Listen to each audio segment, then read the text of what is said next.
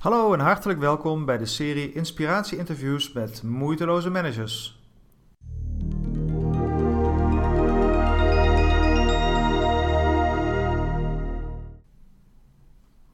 Mijn naam is Hessel Frings, coach en mentor van moeiteloze managers en hun teams. In iedere aflevering van deze reeks interviews stel ik je voor aan een echte moeiteloze manager. Een inspirerende persoon die er op een heel eigen en authentieke wijze in geslaagd is leiding te geven en invulling te geven aan het manager zijn. En vandaag spreek ik met Twan Dam.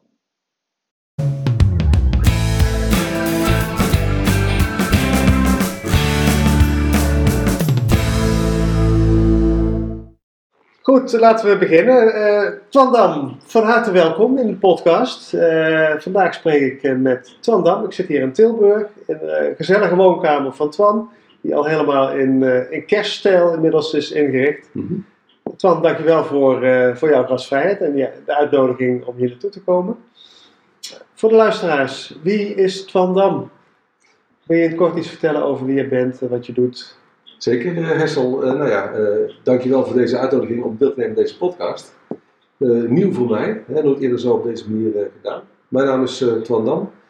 Ik ben 61, ik ben geboren in Tilburg, ik woon in Tilburg, ben getrouwd. Ik heb een zoon van 30 en een dochter van bijna 28. En ja, ik ben dus al lange tijd werkzaam op verschillende, in verschillende organisaties. En ooit begonnen bij de politie in Tilburg. Een soort van jongensdroom. Heb, ja, was het dat ook? Omdat, uh...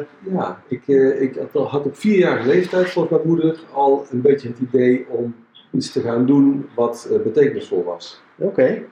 dat is heel jong. Dat was heel jong. Ik ja. wilde echt een soort van gedrevenheid, zorgen dat, dat de wereld een beetje mooier werd. Mm -hmm. en ik zeg, inmiddels ben ik een stuk ouder, wijzer, grijzer. En zeg ik altijd maar zo dat ik als een soort van geboren optimistische idealist ben. Okay. Of geboren idealistische optimist. Ja, dan mag je zelf voor kiezen.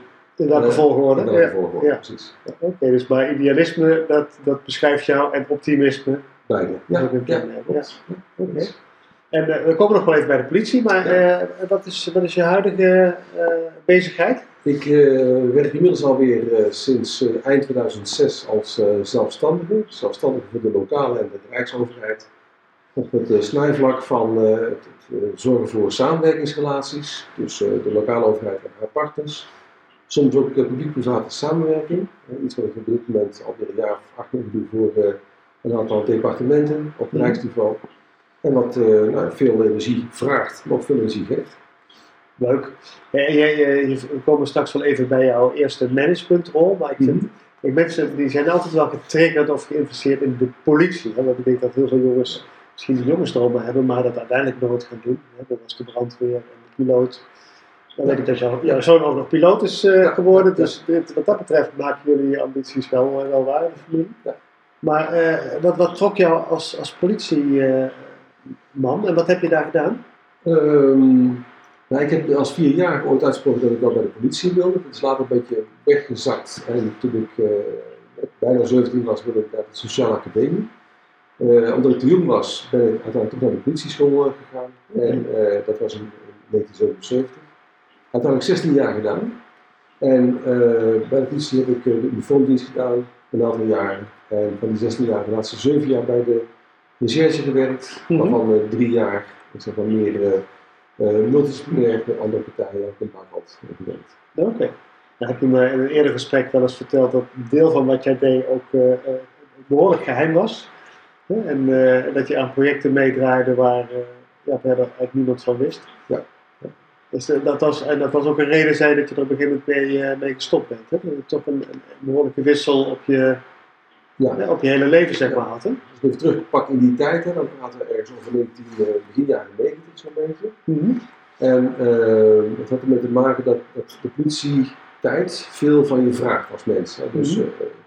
Uh, je krijgt een, een, een oproep s'nachts en je moet naar een, overval of naar een, een moordzaak. Ja. En dat betekent dat je tegelijkertijd niet weet wanneer je thuis bent. Mm -hmm. En op het moment dat je dat uh, lange tijd uh, moet volhouden, dus een aantal weken achtereen bijna niet thuis geweest.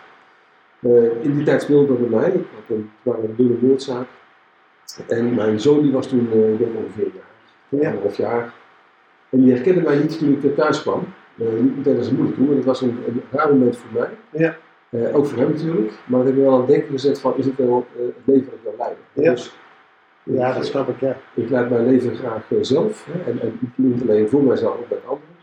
Die ik lief heb. En ik heb ervoor gekozen om bewust te gaan kijken naar een andere baan. Waar ik hetzelfde werk zou kunnen doen voor een andere organisatie. Maar waar ik niet meer zo ja, belast zou worden van, van onbepaalde momenten uh, van huis af te moeten zijn. Ik denk dat veel mensen misschien nog een beetje een idyllische uh, klank aan dat politievak hebben. Dat is natuurlijk ook de dagelijkse praktijk, de keerzijde. En uh, kijk, dit, we hebben natuurlijk hier de, de Moeiteloze Manager podcast. Hè. En ik ja. weet ook dat jij uh, heel lang leiding hebt gegeven en nog steeds geeft. Hè. Waar is daar het, het, het, zaadje voor geplant, het, het leiding geven? Ja, en dan moet ik terug naar toen ik een jaar of tien was. Oké. Okay, dat, is een, dat is een bijzondere anekdote eigenlijk. Ja. Uh, die ik wel wil delen. Uh, misschien dat je het al een keer hebt gehoord, hè, maar zo niet, dan is het voor jou ook. Maar de luisteraars in ieder geval niet, dus nee, uh, ik van wat. Nee, toen ik een jaar of tien was, moesten mijn ouders naar school komen en ik mocht meekomen. En ik dacht dat het over een rapportbespreking of zo ging in die tijd. En toen kreeg ik mijn ouders te horen, en ik zat erbij, dat ik de baas speelde over mijn klasgenootjes. Oh, en, ik had, en ik had dus helemaal niks in de gaten. Ik, ik deed gewoon mijn ding. Ik luisterde wel naar wat er zeg maar, aan les gegeven werd. Mm -hmm. Maar op een of andere manier had de lerares daar last van en ik had het gewoon niet in de gaten. Mm -hmm. Dat was ook nooit zo tegen mij gezegd, althans niet op een manier die ik als tienjarige begreep. Het was in ieder geval niet aangekomen dat, nee, uh, dat nee, daar een probleem was. Nee. Uh, ik denk dat dat voorkomt uit een zeker enthousiasme wat ik als kind al had, mm -hmm. en uh, ideeën had, en creatief was, en uh, laten we dit gaan doen. Ja, ja, ja. Prima, iedereen mee, vond het geweldig. Ja. Het optimisme en het idealisme ook, hè? Precies. Wat je noemt. Lerares. Ja, die, die, die, die was toch uh, leiding kwijt, zeg maar. Precies, nou, dat is volgens mij even, een fase waarin zo'n zo beetje het eerste schildje over mij heen gelegd is van uh, dit mag niet en dit moet wel. Oké. Okay. Maar dat kan ook zijn dat je daar iets van overhoudt van, nou laat ik maar even, even afwachten, hè? Of, of laat ik de leiding maar bij een ander. Nou ja, wat, wat, wat bij mij dan een beetje, als ik dat achteraf, dan is het natuurlijk achteraf te praten. Uh, ik ben, toen ik begin 40 was, werkte ik als leidinggevende bij de gemeente Tilburg. En uh, was er een moment zeg maar, dat ik een opleiding moest gaan volgen. En in die opleiding zijn als het ware al die stukjes van die schil een beetje geraakt en weggehaald. Okay. Dus dat is een belangrijke fase dat geweest. is een hele belangrijke fase geweest in mijn leven. Hè? Dus, enthousiasme, openheid, durven praten, willen praten, mogen praten. Ja. En ook denken dat dat uh, misschien niet mag, op prijs wordt gesteld.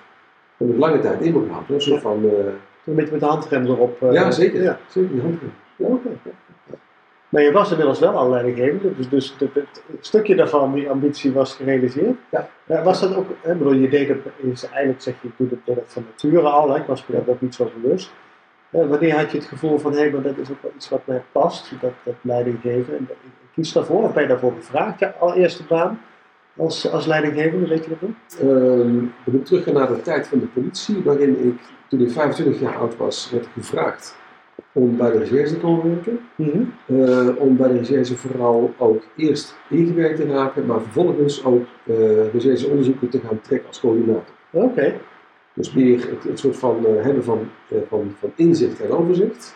En eigenlijk ook de, de mogelijkheid hebben, of, of nou, het, het, natuurlijke in me hebben, om mensen te kunnen enthousiasmeren en te kunnen stimuleren om bepaalde onderdelen te gaan onderzoeken. Ja, een coördinator, dat is een rol waar je dan ook taken, activiteiten verdeelt en zo. Ook, kunt delegeren enerzijds, maar ook tegelijkertijd kunt kijken naar uh, of, of iedereen ook wel de, de dingen deed die bij de persoon passen. Mm -hmm. En hoe ging dat? dat voortvarend, ja, ik voortvarend. En dat ging uh, ja, eigenlijk, eigenlijk uh, ja, ik zou bijna zeggen zo natuurlijk, als het ware. Mm -hmm. Dat ik uiteindelijk ook de, de laatste drie jaar van mijn recherche looptijd ook bij veel complexere onderzoeken betrokken ben geweest. Mm -hmm. En er ook leiding aan heb mogen geven. Dus dan praat je een soort van deelprojectleiderschap. Dat je bepaalde onderdelen krijgt van, van de meer complexe, zwaardere onderzoeken, die uh, bij jou komen te liggen als eindverantwoordelijke. Okay. Maar en dat, en dat leidinggeven, wat, wat, wat was het wat anderen in jou zagen dat dat, dat het ook wel bij jou paste? Ik denk enerzijds het, uh, het, het uh, energieke, het, het uh, volhardende energiek, het, het geven van ruimte. Ehm, niet zozeer opschrijven of voorschrijven wat iemand moet doen, Mhm. maar in beelden braden eh, dat het mooi zou zijn als we iets eh, te weten zouden kunnen komen, als we iets zouden kunnen ontdekken. En dan aan de ander overlaten hoe het dan wordt ingevuld. Dus min of meer het wat beschrijven en het hoe overlaten aan de ander. En hoe krijg je mensen dan enthousiast of geïnspireerd dat ze daarin meegaan? Wat ik eh, op tot nu toe altijd doe, ook, ook in de grotere complexe onderzoeken die ik, eh, of projecten die ik nu eh, trek, is dat ik eh, redelijk veel tijd besteed aan de één op één gesprekken, één op één overleggen. Eh, en vervolgens weer plenair terug in de groep die het betreft. Hè. Dus met elkaar afspraken maken, kijken wat iemand wil, aan kan, hoe iemand zelf denkt over een aanpak. Ja. En, en daar soms een spiegelen, soms suggesties doen, maar vooral de ruimte laten bij degene die verantwoordelijk is voor de aanpak. Oké. Ehm, en ja, ik heb zo'n filosofie hè, van als je de mensen goed behandelt, komt het werk eigenlijk vanzelf. Nou ja, dat, dat is in zijn algemeenheid kan ik daar absoluut in meegaan. Hè? Maar wat bepaalt of je iemand goed behandelt, scheelt natuurlijk ook per persoon. Die, hè, dat wat bij de een wel werkt, werkt, bij de ander niet. Hè? Dus ik denk die kracht van die één op één aandacht, Ja, dat is dan ook super belangrijk. ja altijd. Hè. Dat En, je en mensen begrijpt. ik probeer zeg maar ook eh, mensen eerst te begrijpen, voordat ik van de mensen verwacht dat ze mij begrijpen. Mhm. Dus wat ik altijd gedaan heb, en ook geleerd heb en verfijnd heb door de jaren heen, is dat ik eh, ook gewoon een gesprek met mensen aanga om te kijken hoe het met ze gaat. Ook al denken ze van, we hebben hier een voortgangsgesprek, dat is prima, maar hoe gaat het met je? Ja. Lukt het dan wat je van plan bent? Komt het een beetje uit? Heb je me nodig? Kan ik je bij helpen? En, en zo ontstaat als het ware een gesprek. Hè? En, en soms dan is dat niet congruent aan wat ze uitstralen, en dan vraag ik het door. Mhm. Ja, want soms heb ik uh, wel eens in mijn eh, carrière vragen gesteld in beperkte mate. Dat is natuurlijk niet iets wat je elke week moet doen. Maar hoe komt het nou dat jij dit en dit zegt? En ik een ander beeld krijg bij wat je zegt. Ja. Ja, gewoon de hoe-vraag stellen. Mhm. En in sommige gevallen eh, zie je dat mensen eh, terugkomen wat ze gezegd hebben, eh, of twijfelen, of ze dan wat willen zeggen, mogen zeggen, durven zeggen wat ze eigenlijk willen zeggen. En dan heb je het echt een gesprek. Dat breekt wel iets open. Dan, Ja. Ja. Dus het, het vraagt niet alleen interesse en belangstelling en faciliteren en ondersteunen, maar ook af en toe een spiegel voorhouden eh, als dingen niet gaan zoals ze eh, zouden, zouden moeten. Of, We hebben ook het organiseren van zelfreflectie. Ik ben nu verantwoordelijk voor een vrij groot ander project. hè. Dat is bijvoorbeeld ook het geval. En ik heb ook geleerd om een soort van zelfreflectie te organiseren, maar ook te vragen eh, of er nog zaken zijn die men van mij verwacht, Ja. die niet geregeld zijn. maar dat zeggen ze pas als, eh, als er een basis is van vertrouwen. Ja. Ja, klopt. klopt. En, en eh, ik denk dat in de tijd dat wij elkaar leren kennen, dat is misschien wel rond de koers van die opleiding ook geweest, hè, rond, rond die tijd. Toen kan ik me herinneren als jij, eh de, de prachtige titel manager van het jaar in, bij de gemeente Tilburg uh, verworven. Ja. En ik denk wel dat je daar eh, ten eerste heel erg trots eh, op was, dat het ook wel een beloning was eh, voor- je werk. Ja. Ja, maar aan de andere kant wordt het ook niet zomaar. Hè? Dus, dus blijkbaar is jouw manier van leiding geven, trekt het ook de aandacht? Of valt het voldoende op dat mensen je daarin in, in, in kunnen belonen of dat Mhm. dat niet beschrijvend is? Ja. En, eh, kun je daar nog eens naar, naar teruggaan, Ja, eens inzoomen wat daar eh, belangrijk in was? Ik, eh, ik was werkzaam met, met Tilburg. Ik had een, een behoorlijke eh, baan, maar ik merkte, een behoorlijke functie ook. Ik merkte, naarmate de tijd vorderde, dat ik te veel energie lekte op die functie. En ik voelde gewoon dat die functie niet meer bij mij paste of ik niet meer bij de functie paste. En ik heb toen aangegeven dat ik zeg maar, mijn functie vakant wilde zetten. Dat was een ongewone stap. ik Toen heb gezet. Ja, kwetsbaar eigenlijk. Hè? Eh, ja, eh, kwetsbaar enerzijds. Het voelde voor mij als belangrijk, omdat niemand in de gaten had dat ik lekte. Ja. En als iedereen het wel in de gaten zou krijgen, zou het te laat zijn. op mededeling. Ja. Dus daar zat voor mij een kantelpunt. Dat was rond mijn 40ste dat ik dat heb bekendgemaakt. En eh, nou, dat werd geaccepteerd, eh, ook gerespecteerd. En vervolgens werd mij gevraagd of ik nog een team, wat niet zo vlot liep, eh, bereid was om het team mee te nemen en verder tot ontwikkeling te brengen. Mhm. Nou, dat was zeg maar, dat duurde dan, de functie keurig, de, keurig vier maanden uitgewerkt tot, tot 1 januari.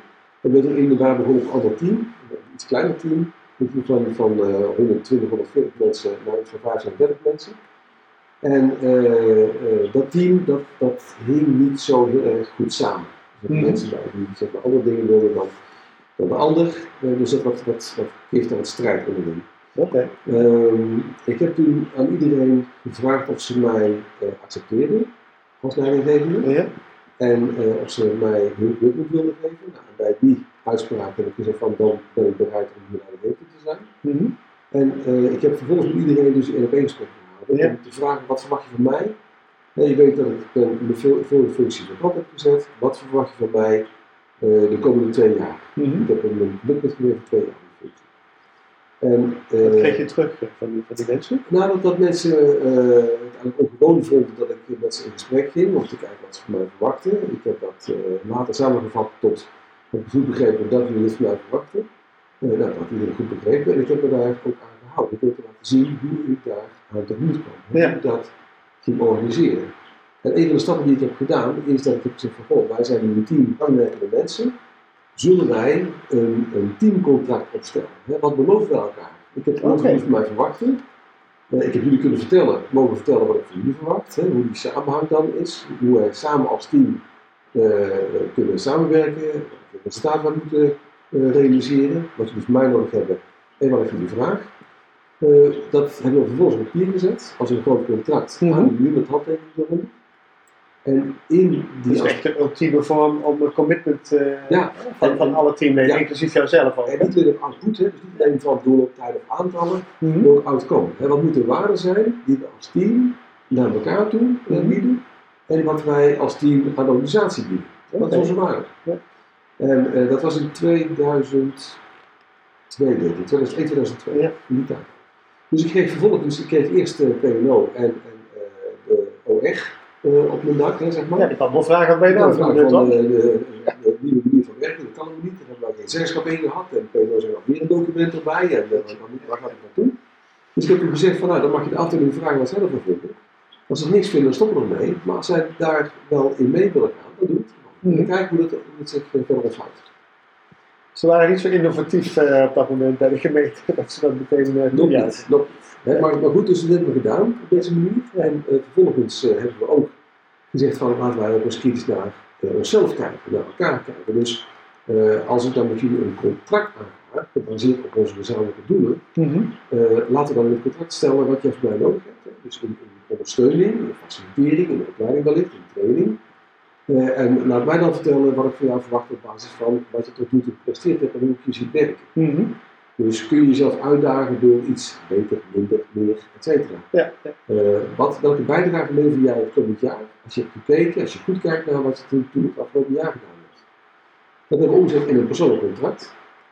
Dus dat was een persoonlijk ontwikkelingscontract, zeg Mhm. maar. Dat werd aangegaan met mij en zij, eh, ik met hem. Dat was dus geen contract als wij notaris, maar gewoon een intentieverklaring die we op papier ja, precies. En dat maakte dat we dus op die manier ook gingen werken. En dat we elkaar konden bevragen de manier van elkaar nodig hadden. En dat maakte dus dat we het eerste jaar dat we dat deden, waren we zeg maar zo'n 15% effectiever dan het jaar daarvoor. En dan hebben we het nog steeds over een team waar gedoe was, Ja, eh, ja, eh, ja. onder, onderling geen samenhang was. dat klopt. Dat. Dus- En, en door die aandacht en die afspraken en de gesprekken over die afspraken en wat daarbij kwam in hun persoonlijke levenssfeer om te kijken wat, wat, eh, wat die invloed was. Mhm. op hun werk, eh, maakten we dus met elkaar wel die teamgeest aan. Ja. En door ook succesjes die de een of de ander bereikt had te vieren met elkaar op de afdeling, Ja, werd het uiteindelijk een team. Een team dat van elkaar afhankelijk werd. dus het, dat delen van successen, dat vieren van successen, ook een belangrijk element. Absoluut. Ja. Absoluut. Dus in het tweede jaar hebben we dit nog een, verder stapje kunnen ontwikkelen. Hebben we een efficiëntiewinst behaald van 10%. Het ziekteverzuim zat op 12%, dat, uh, dat daalde naar 3%. Ja. Eh, dus, dus dit heeft, en Dat is dat, maakt heel dus, ja. dat maakt eigenlijk dus dat die hele ontwikkeling plaatsvond in de tijd dat ik bij Tilburg een, een, eh, een externe partij gevraagd had om de werkwijze van de andere leidinggevenden te meten. Mhm.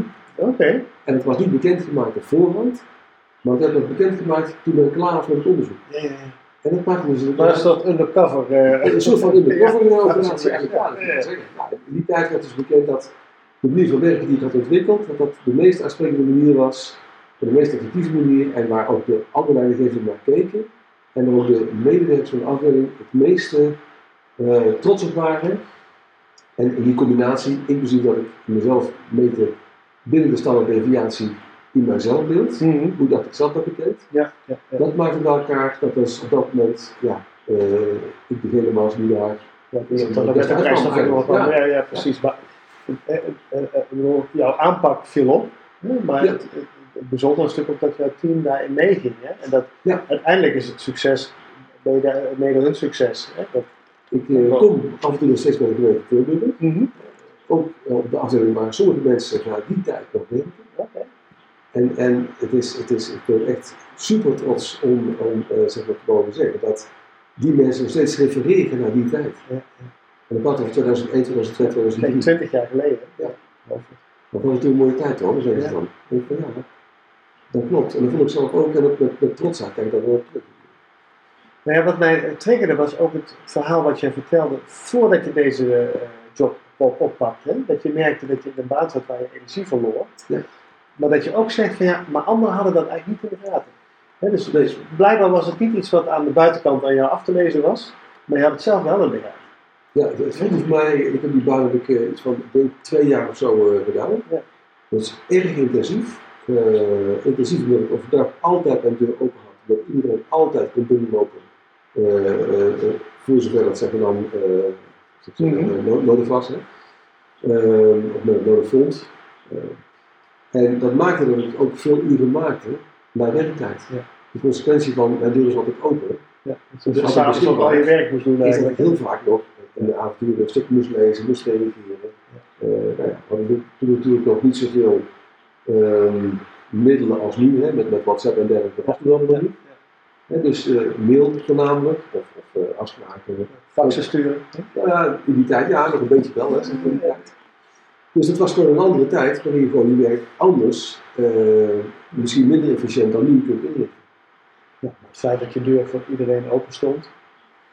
Hè, dat is Dat- eigenlijk, Ja. dat heb je ook wel meegenomen naar, naar die andere banen. Ja. De, Ja. de bereikbaarheid, wat kan ik voor jou betekenen? Ja, ik heb er wel van geleerd in de zin van dat ik, eh, ik vond het heel eng om eh, eerlijk te, eh, te moeten zijn of te willen zijn, ook naar mezelf toe. Want op het moment dat je dat zo gaat zeggen tegen iedereen, eh, omdat je leegloopt op je energie, is het ook een soort van schaamte, hè, dat je misschien zegt, of een gevoel van eh, mislukt zijn, na twee volle jaren. Ja. Ehm, en, en ik moet zeggen, ik, ik heb me over die drempel heen gezet, heel bewust, eh, omdat ik het gevoel had dat ik het gewoon niet leuk meer vond. Ja. En gelukkig had niemand in de gaten, hè, dus ik dacht dat ze wel anders zien. Ik kreeg alleen maar vragen van eh, waarom, en eh, heb je een baan dan bij een externe eh, eh, Ja, weg? eh, consultancy bureau, dat soort dingen. Dat soort vragen werden gesteld. Ja, maar ik vind, kijk, misschien zijn het inmiddels wel weer wat andere tijden, dat weet ik niet. Maar het, is- het, het is juist heel krachtig hè, dat je eh, zelf die conclusie ne- neemt, maar dat het dus ook niet ziet al- als iets wat. Hè, ik snap jouw twijfels van toen, hè, van eh, eh, is het een mislukking, eh, hoe gaan mensen mij dan eh, bekijken bijvoorbeeld. Hè? Eh, maar dat je daarna voor jezelf de mogelijkheid hebt weer iets anders te gaan doen waar je veel beter op de plek was. Ja. In de praktijk. De- het heeft mij veel, veel lucht gegeven. Ja, dus het feit hoe mensen reageren, mijn, mijn, mijn zorg, mijn angst, mijn onzekerheid daarin, die werd weggenomen door de manier waarop mensen reageerden op mijn besluit. Ja. En het feit dat men zelfs zei vanuit de gemeentesecretaris, meen ik, of de, de, de, de, de concerndirecteur, eh, van ja, maar jij bent iemand die je graag kwijt wil, dus eh, eh, ben jij nog bereid om een andere rol bij ons te pakken Ja. op een plek waar dat nodig is. Ja, ik, ik, ik vraag dit ook eigenlijk met in mijn achterhoofd de mensen die luisteren. Want Ja. hoe vaak gaan we niet door met iets wat eigenlijk niet goed voor ons werkt, maar waar je wel in presteert, hè, wat de omgeving denkt van ja, ik doe het prima, niks aan de hand. Maar waar je jezelf ontdekt ja, maar het, het- ik loop een beetje bij mezelf weg. Ja. En, eh, en, ik, en waar dit eindigt weet ik niet, maar ja, laten we alsjeblieft. Kijk, dat was al gewaarschuwd. Ja. De, de Ja. koekoeksklok van de familie Dam, eh, die, eh, die laat zich even horen. Maar dat je dus, bijvoorbeeld zeker deze tijd, ik hoor veel verhalen van veel stress, burn-out. omdat en dat is ook vaak dat mensen veel te lang doorgaan met iets waar- waarbij ze misschien zelf al weten, dit is, dit is het niet, hè? het werkt niet. Maar het moeilijk vinden om dan zelf te zeggen van nee, maar ik stop hiermee en ik ga iets anders doen. Ja, dat klopt. En mijn advies zou zijn, hè, voor, voor de mensen die, die deze podcast luisteren, van, dat je twijfelt hè, of, of je het wel mag, kunt en durft te zeggen namens jezelf. neem dan een vertrouwenspersoon eh, en, en, en spiegel even. Ja. Wat vind jij nou? Ja, en, en bij mij heeft zeg maar, mijn, mijn vrouw destijds, eh, is die spiegel geweest. Ja. En zo van, ik zit hiermee, uh, nou, ik had al lang in de gaten dat ik inderdaad niet meer zo heel energiek was, hè, dat ik er geen energie meer van kreeg. Die zat daar iedere dag en ook s'avonds nog uh, achter je bureau Precies. Ja. En die heeft in feite bevestigd hè, dat wat ik dacht te zien, dacht te voelen, dat, dat zag zij en voelde zij ook. En dat maakt dus dat ik niet iemand ben die dan in twijfel blijft, maar feitelijk zegt van ja, Mhm. uiteindelijk is werk ook maar werk, hebben we het alle respect. En is geluk en, en plezier in je werk is, is vele malen belangrijk. Kijk, en ik zeg dat ook met in mijn achterhoofd dat ik weet van jou dat jij een ontzettend harde werker bent. Eh, en bepaalt geen 9 tot 5 eh, mentaliteit op. eh, dus het zit hem ook niet in de uren alleen. Het, het zit hem ook in, in hoe je die uren besteedt en waar je energie lekt en, en waar je juist energie van krijgt. Het was een wijze levensles voor mij tenminste. En, en nou, kort daarna dus, hè, toen ik op de andere afdeling was. En, en uiteindelijk ook eh, zeg maar, de, de, zeg maar, de, de beloning kreeg als het ware, de ongevraagde beloning als het ware. Mhm. Naast de, de, de waardering van de mensen vanuit de gemeente, hebben die dus aangegrepen om dus een, eh, een opleiding te gaan volgen. Ja. en dat was de opleiding waardoor wij elkaar zijn. Ja, dat was het. Bij, eh, was het niet bij de baak? Bij de Baak. Ja, ja, klopt. Ja. En daar ontmoette jij een gemeenschappelijke vriend van ons bij. Ja, we precies. elkaar gekoppeld. Ja. En, en nu vertelde je ook, als ik nu nog terugkom bij de gemeente Tilburg, dan, eh, dan, dan kom ik nog wel mensen tegen die hebben we toch een goede tijd gehad. Hè? En de kijker kan, ja, ik bedoel, de luisteraar kan jouw gezicht niet zien, maar ook jouw gezicht straalt weer eigenlijk bij die herinneringen. Eh, en daarna ben je nog verder gegaan in, in, je, jouw pad. Eh, waar, waar kijk je nog meer op terug? Waarvan je denkt, ja, dat was, een mooie tijd als, als leidinggevende. Of heb ik weer nieuwe lessen kunnen leren of me verder ontwikkeld. Ik ben dus eind 2006 bij de Club eh, weggegaan. Ik ben toen als zelfstandige verder gegaan. Ik merk dat het pad wat ik was ingeslagen, dat was een soort van eh, bijna repeterend karakter. Ik heb een stukje innovatie ingebracht en dan staat er iets en dan merk ik dat ik dan eh, de energie minder heb om te borgen wat er al innovatief is ontwikkeld. Dus Mhm. bijvoorbeeld die, kijkt naar vernieuwing. Ja. Ja, ontwikkelaar. Ehm, en eh, ik ben dus uit 2006 bij de gemeente weggegaan. En ben toen bij een aantal gemeenten ook eh, ingehuurd geweest als interim manager. Mhm. Dus op afdelingen waar zaken niet lekker liepen. Ik heb zo een jaar of twee, tweeënhalf in de Leiden gewerkt. Ja. Op verschillende afdelingen. Eh, in de Sittard Verleden gewerkt, in Gouda gewerkt. Dus Het hele land door. Ja. een beetje een deel door, deel door Nederland. En, en vooral op plekken waar teams niet lekker functioneren Mhm. waar tijdelijk iemand nodig was en dat uh, of mij de weg gegaan was, of op de positie, of anderszins. En keer op keer heb ik zeg maar heb ik teruggedacht aan de tijd in Tilburg, die ook bij leerschool is geweest op dit punt. Ehm, en, en ook de, de manier van werken die ik heb ontwikkeld op die ene afdeling. Heb toegepast bij de andere Ja. afdelingen, eh, bij de gemeente waar ik ben geweest. En, en ook daar moet ik zeggen dat als ik daar contact mee heb, dat komt sporadisch voor, maar als ik contact heb, Mhm. dan, eh, ja, dan, dan is er altijd meteen een klik. Ja. Ja, maar die manier van werken is natuurlijk ook heel erg gericht op, op de mens en op de samenhang en het vertrouwen en de ontwikkeling. Ja. En dat onthouden mensen wel.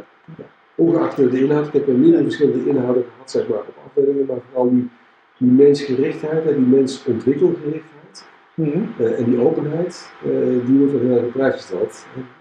Dat, dat kost tijd en dat kost eh, capaciteit soms. Ja, want dat is dat, een vraag die ik wil stellen. Hè. Je, als interim manager eh, heb je natuurlijk een andere pet op, een andere verantwoordelijkheid dan als collega, hè, Ja. als manager. Heb je daar ook last van gehad in die periode? Of was het juist een voordeel? Of überhaupt verschil gemerkt? Ehm, dan moet ik even goed nadenken, Hessel. Ik, ik, ik, denk, niet dat- ik denk niet dat het verschil zo groot is. Omdat ik eh, de, de wereld van de gemeente redelijk ben gaan begrijpen. In de jaren dat ik bij de heb gewerkt. En ik de taal van de mensen heb leren spreken. Dus eh, of ik nou in Sittard Verleen werkte, of in Gouda, of in, of in Leiden. Eh, over het algemeen kon ik wel aansluiten op de taal van de mensen. Ja, dus je kun je ook heel snel eh, thuis Ja. voelen, zeg maar. Ja, en, en ben ik ook altijd luisteren toe naar mensen die, die al jarenlang bij dezelfde gemeente werkzaam waren en altijd hetzelfde verhaal. Nou ja, het, het is hier niet zoveel, het zal wel veel veel worden. Dat, nou, de koffie, het luisterend oor en daar ook naar luisteren. Eh, en ook tonen dat ik daar aandacht voor had. Dat, dat maakte wel dat, ik, dat we elkaar aansloten. Dus dan maakt het eigenlijk niet zoveel uit dat je daar vanuit, eh, vanuit de interim opdracht binnenkwam. Nee. Dan zag je niet als een buitenstaander. Nee, dat is een bedreiging. Dus, eh, Ja. Hey, nou eh, weet ik dat jij ook heel actief bent in het, in het zeg maar, ver- verder brengen van misschien niet alleen jouw ideeën als het gaat Mhm. om, om leiding geven, maar vooral ook leiderschap. Hè? Dus hoe, hoe je in het leven staat, hoe je daarin anderen inspireert. En eh, je hebt dat een fantastisch mooi initiatief opgeste- opgezet. Ik denk ook inmiddels een jaar of tien geleden, misschien langer. 2006. Twee, ook 2006. En eh, het staat nog steeds op mijn lijst om een keer met jou naar Zuid-Afrika te gaan. Hè? De, de Learning Journey. Eh, een leiderschapsreis. Mhm. Kun je daar iets kort over vertellen wat, wat je daarin doet? Want dat is een van jouw vele neven, nevenactiviteiten. Ja, ja. Ehm, toen ik in 2003 dus een studie volgde, aan de Baak, dan was onderdeel was, eh, een, een onderzoek in Zuid-Afrika. Mhm. En ik ben toen voor de eerste keer in Zuid-Afrika geweest en ik ontdekte eigenlijk dat Zuid-Afrika een soort van mijn moederland was. Ik voelde me daar meteen thuis. Hè, en een lang verhaal kort, hè, ik kon het niet loslaten, ook niet toen ik daarna weer terug was in Nederland. En heb besloten om daar iets mee te gaan doen, iets goeds mee te gaan doen. En in 2006 heeft dat geleid tot de formele oprichting van Stichting Learning Journey. Mhm. En hebben wij ook vanuit het bestuur, eh, drie keer het bestuur destijds, eh, mensen in ons netwerk uitgenodigd om met ons mee te gaan op een learning journey naar Ja, Zuid-Afrika. een, een leidende eh, reis, zeg maar. Of een leidende, Ja. hoe zeg je dat? Ja, een lerende reis, beter Een gezegd. lerende reis, hè, door, door projecten die we destijds kenden, eh, kennis mee gemaakt, eh, te bezoeken en daar ook in te participeren. Mhm. Dus eh, we hebben mensen mee, eh, mensen zijn met ons meegegaan, meegenomen klinkt zo raar, maar meegegaan met ons op een projectenbezoek. Mhm. als, een, als een soort van ontwikkelreis, een learning journey eh, feitelijk. En hebben dus twee, drie dagen in projecten geparticipeerd en dus denken aan een kinderopvang, Mhm. aan de opvang van eh, eh, kinderen met autisme die door ouders waren verlaten. Ja. Eh, eh, we denken aan eh, scholen die in achtergestelde gebieden proberen onderwijs te geven aan jongeren uit achtergestelde gebieden. Eh, en daar draaiden we dan gewoon twee, drie dagen in mee. Mhm. Een soort van gastles, een soort van opvang. En dan hadden we mensen met ons mee die eh, hier in Nederland een goede managementfunctie, directeursfunctie hadden, gewoon manager, de sociale dienst. En die dus in feite ook geïnspireerd en geraakt werden Mhm. door wat ze meemaakten in Zuid-Afrika. En die waarschijnlijk daarvoor ook nooit daar waren geweest. Hè? Misschien in meeste- instantie, maar in ieder geval no- nooit in die situatie. Nee, nie- niemand is mee geweest op, eh, in een, op projectenbezoek zoals we die eh, hebben laten zien in de township. Zo op de voet, hè, op je, op je, op je sandalen bij wijze van spreken, zo'n township in, te gast zijn eh, in, in een gebied waar de maan mee komt. Ja. En met- met- sommige mensen waren wel eens eerder in Zuid-Afrika geweest, hè, net zoals je zegt, hè, dan de Garden Route, dus, dus eh, de reis gemaakt door Zuid-Afrika. Ja. Maar zo direct, zeg maar, op de mens gericht, eh, in de mens, in, in deze beleving. En zo geconfronteerd met soms ellende die men daar heeft, die die je niet eens kennen. En toch met energie die de mensen wel in zich dragen, dat was gewoon uniek. Mhm. Erg reflecterend, eh, ook erg emotioneel soms. En dus je hebt ook mensen die hier- Mensen zijn geraakt door Zeker, hun ervaring. Zeker. Ja. En, en we hebben gesprekken gevoerd met mensen uit het township van van de gemeente Kaapstad, of de politie in Kaapstad. Ook mensen die NGO's hebben. eh, reflectiegesprekken gevoerd met mensen uit Nederland. Dus een één heel mooi eh, voorbeeld wat ik nog kan noemen, is dat wij die, in die tijd ook heel veel contact hadden met vrouwen die in verwachting waren van hun eerste kind. En tijdens de controle bij de huisarts te horen kregen dat ze aids besmet waren Ja. en soms ook hun kind aids besmet was. Eh, die, die vrouwen, dat, dat, dat we hadden een project, dat hebben we als het ware als stichting ook ondersteund. Dat heet Memory Box. En die vrouwen maakten dus van een oude schoenendoos of een grote doos. Die bekleden ze met kleuren, met, met, met behang. Eh, ze schreven gedichten in die doos. Ze bewaarden spulletjes in die doos voor het geval dat ze tijdens de geboorte van hun kind kwamen te overlijden.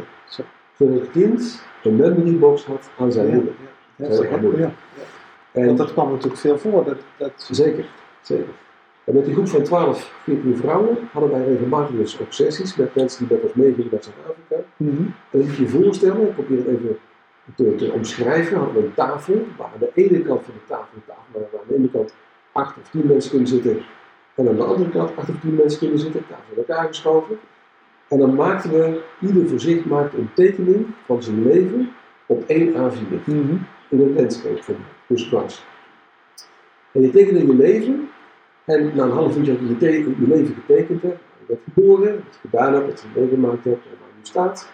En dan, dan, uh, dan, dan draaide je de tekening, je raakte die tekening, hadden we, uh, hadden we over Mhm. aan je overbuurman of buurvrouw. En dat was dan iemand uit Zuid-Afrika, Mhm. die dus in verwachting was en uh, iets Ja, had. met aids. En vervolgens gingen dus niet wij als blanke Nederlanders, maar die mensen die besmet waren, gingen aan ons vragen stellen over ons levenspad. Ja, ja. Wat gebeurde hier?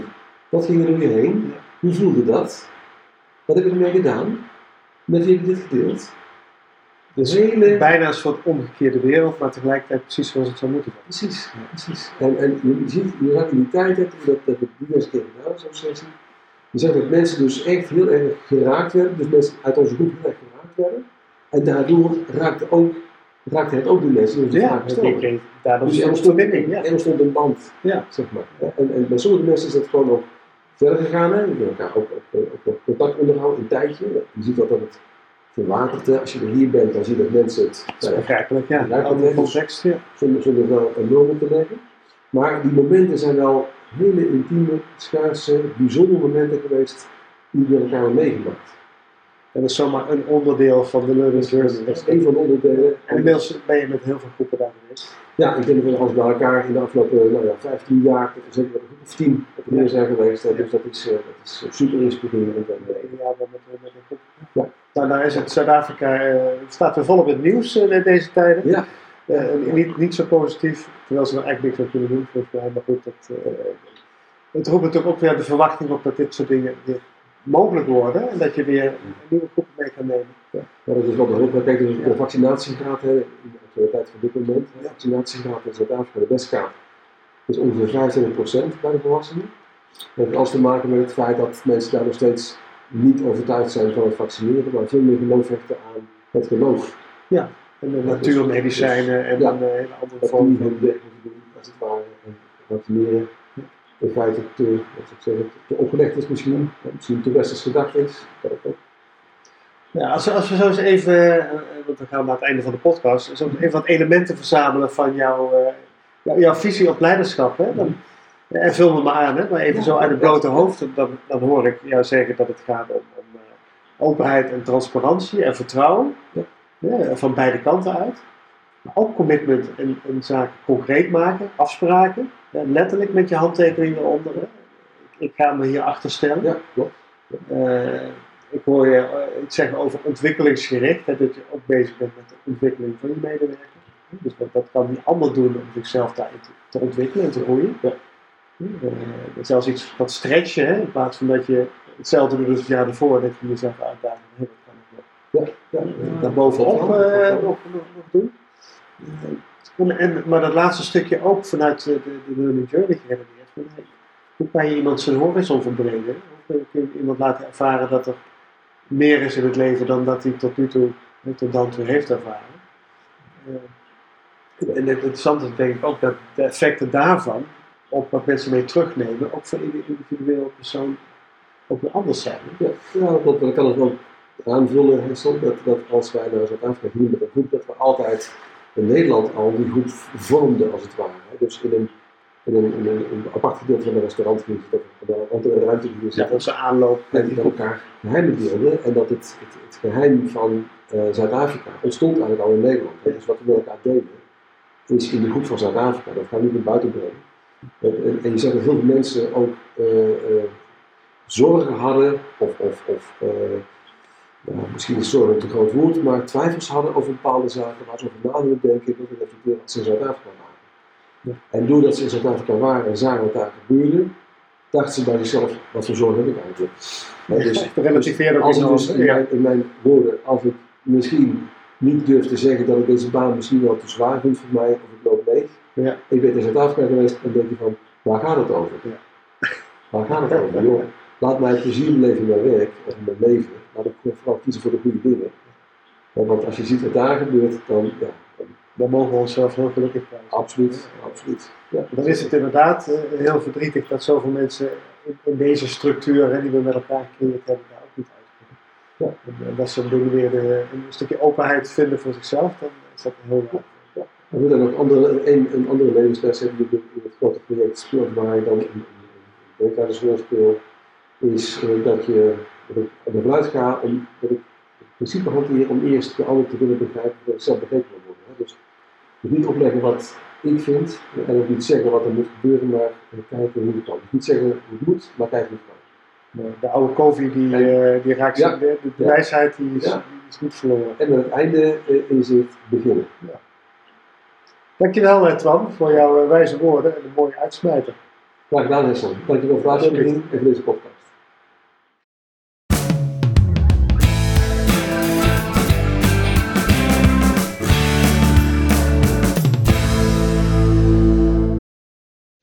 Bedankt voor het luisteren naar deze nieuwe aflevering van de reeks interviews met moeiteloze managers. Ik wens je veel succes toe met het toepassen van de tips die je hebt gehoord en uiteraard hoor ik ook graag je reacties en ervaringen. Vergeet vooral niet na het luisteren van deze podcast een review achter te laten. En aarzel vooral niet om 5 sterren te geven als de podcast je aanspreekt, want dan wordt het natuurlijk veel makkelijker voor anderen om de podcast te vinden. Bedankt en tot de volgende keer.